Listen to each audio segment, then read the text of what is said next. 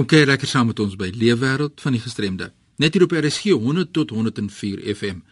En natuurlik ook wêreldwyd op www.rsg.co.za. Wat is die rabat op 'n ingevoerde voertuig? En hoe bevoordeel dit mense met 'n mobiliteitsgestremdheid?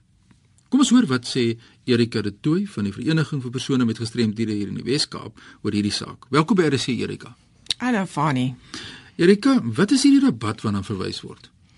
Ja, Fani, ehm um, soos meestal mense weet, is douane reg betaalbaar op alle voertuie wat ingevoer word in Suid-Afrika in. Nou persone met mobiliteitsgestremthede kan aansoek doen vir 'n rabat van daai douane reg, solank daar aanpassings nodig is aan die voertuig, um sodat die persoon dit kan bestuur. Dit is baie interessant. Nou, hoekom word hierdie rabat aan toegeken? Um dit die rabat kom van die uh, International Trade Administration, 'n commission, ITAC, wat onder die Departement Handel en Nywerheid opereer. Um en dit gaan aan persone met gestremthede ofterwel instansies wie persone met gestremthede vervoer wat aanpassings aan aan hulle motor benodig, bietjie finansiëel te help. Met ander woorde, die persoon moet weens hul gestremdheid meer betaal om 'n voertuig te kan bestuur want hulle het natuurlik nou die aanpassings nodig. Dit is wonderlike nuus en nou is daar verskillende kategorieë vir die aansoekproses. Ja, beslis. Daar is twee kategorieë. Uh die eerste een is vir selfbestuur waar die persoon self sy motor wil bestuur. En die tweede een is vir die vervoer van persone met gestremthede en dit sluit in instansies te huise vir persone met gestremthede of selfs ouers wat 'n gestremde kind het wat te groot is om uit die rolstoel te haal en weer agter in die kar te sit. So daar is twee duidelike kategorieë. En die kriteria wat dan toepassings in hierdie elke kategorie? Ja, die kategorie die skets, die kriteria ehm um, is nogals heel verskillend van mekaar vir die wat self bestuur ehm um, moet die kar 'n outomatiese ratkas hê en ehm um, dit help natuurlik met handfunksie ehm um, dat die persoon nie ehm um, die ratte hoef te verander maar dit moet outomatiese ratkas hê en daar moet aanpassings ehm um, aan die koppelaar en die petrolpedale gemaak word so of hulle moet geskuif word of verleng word vir die wat nou bietjie korter bene het of dit moet heeltemal verander na handkontrole wat van die stuurwiel af geopereer word. Dan weer aan die ander kant vir persone wat vervoer moet word, ehm um, is dit gewoonlik 'n kar wat dis eintlik 'n klein bussie. Ehm um, waar die persoon nog steeds in sy rolstoel bly, maar agterin die motor ingelaai moet word. So dan moet daar 'n heiser wees, ehm um, of as as dit bietjie duur is, dan moet 'n oprit wees om toe te laat dat die rolstoel met die persoon in in die voertuig kan kom dan binne die voertuig moet daar 'n manier wees waar die rolstoel aan die bodem van die voertuig vasgemaak word en dan die persoon in sy rolstoel vasgemaak 'n tipe van 'n sitplek gordel.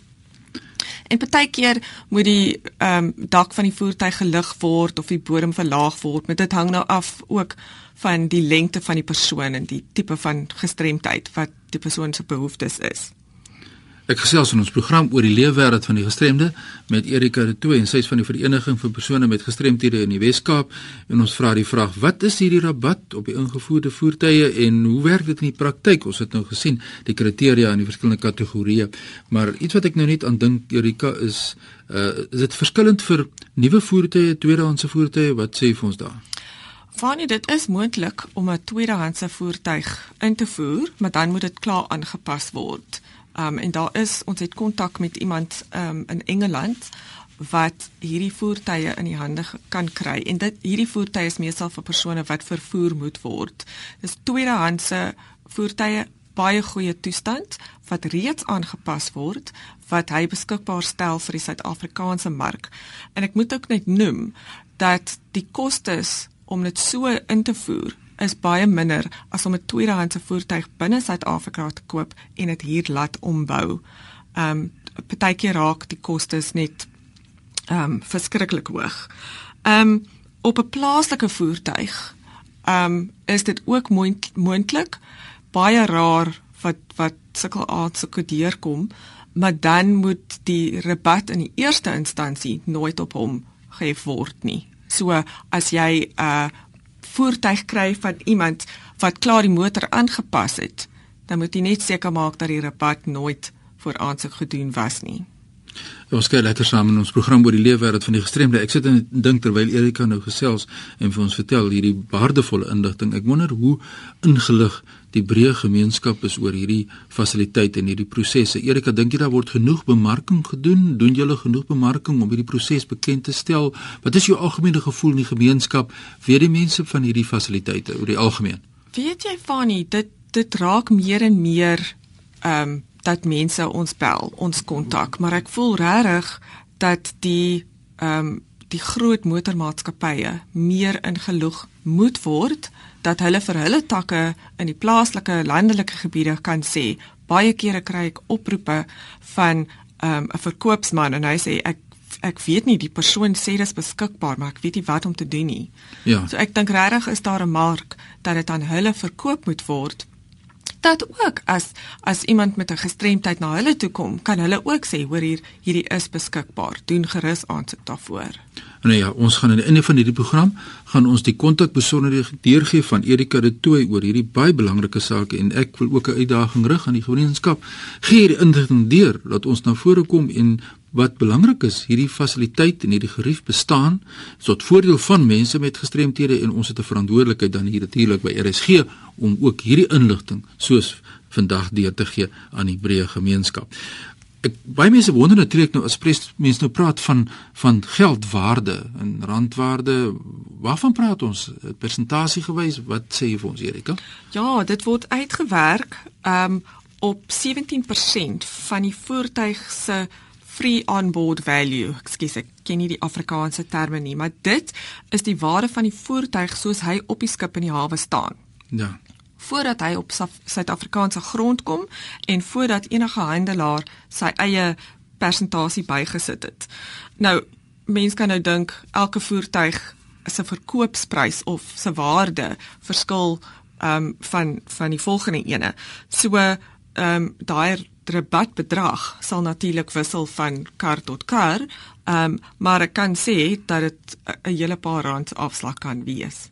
Ja, dit is ter sprake want die mense wil graag weet wat 'n voordeel is daarin in die hele proses ook vir die mense met 'n gestremdheid en natuurlik gesinne en families wat regstreeks daardeur geraak word. So dit is hoekom ons belangrik is dat ons hierdie inligting moet deurgee. Uh, as die hierdie sertifikaat dan nou beskikbaar gestel is, uh, wat wat gebeur verder? Al wat die persoon doen, hy hou die oorspronklike sertifikaat, hy gee net 'n afskrif aan die motorhandelaar en dan begin hy met die gewone uh koopproses van die motor. Ek moet ook net duidelik stel dat die aansoek vir hierdie rabat die eerste stap in die proses is. Dit moet eers gedoen word voor die voertuig bestel is of dat daar finansiering voorgereël is of dat die persoon um 'n bestelling in ehm um, insit vir vir 'n voertuig. As dit andersom gebeur, dan sal hulle glad nie 'n rabat toeken nie. Ja, dis baie interessant. Hmm. So neem kennis daarvan, soos Erika nou sê, die prosesse wat ter sprake is. Nou ons praat met die hele Suid-Afrika en as baie mense wat luister vandag en hulle wonder nou en hulle wil inligting hê, maar kom ons sê, waar kan mense die aansoekvorms in die hande kry? En uh die proses wat dit dan verloop in praktyk, want ek dit's belangrik dat ons mense inligting moet kry oor hierdie situasie. Hmm. Uh Fanie, die forums um kan by enige provinsiale vereniging vir persone met gestremthede gekry word. Hier in die Wes-Kaap kan dit dit of vir vir mense e-pos of dit is beskikbaar op ons webtuiste by www.wcapd.org.za onder die skakel resources op die hoof um menu. Ja, dit is belangrik. Ja, ons moet die inligting. Kan ek iets raaf vir jou net daai daai webtuiste is www.wcapd.org.za. Is dit korrek? Dis reg, ja. Ja, en die bronne skakel is belangrik. Klik daar op die bronne skakel en die resources sal vir jou help. En ja, Erika gaan voort met die proses. Ehm um, ja, so die persoon laai al die hele pak aansoekvorms af, vul dit volledig in en dan word daai aansoekvorms saam met die nodige ondersteuningsdokumente en dit behels nou die bestuurslisensie en die persoon se ehm um, identiteitsdokument en 'n kwotasie vir die aanpassings en motivering en so aan. Ehm um, dit word nou alles aan ons teruggestuur. Dis hy. Ja. En sodra ons nou seker gemaak het dat alles volledig is, stuur ons dit weer aan die Nasionale Raad vir persone met gestremthede in Suid-Afrika vir ondertekening en hulle lewer dit per hand by die departement handel en nywerheid af. Nou die hele proses neem so tussen 4 en 6 weke, maar ek moet sê ook dat daar redelike huiswerk is vir die persoon wat aansoek doen voor die vorms eers by ons aankom. Mense moet ook net weet hulle besluit watter voertuig wil hulle hê. Ons kan glad nie vir hulle raad gee nie. Dit hang van hulle behoeftes wat um, af en van hulle um, finansiële toestand.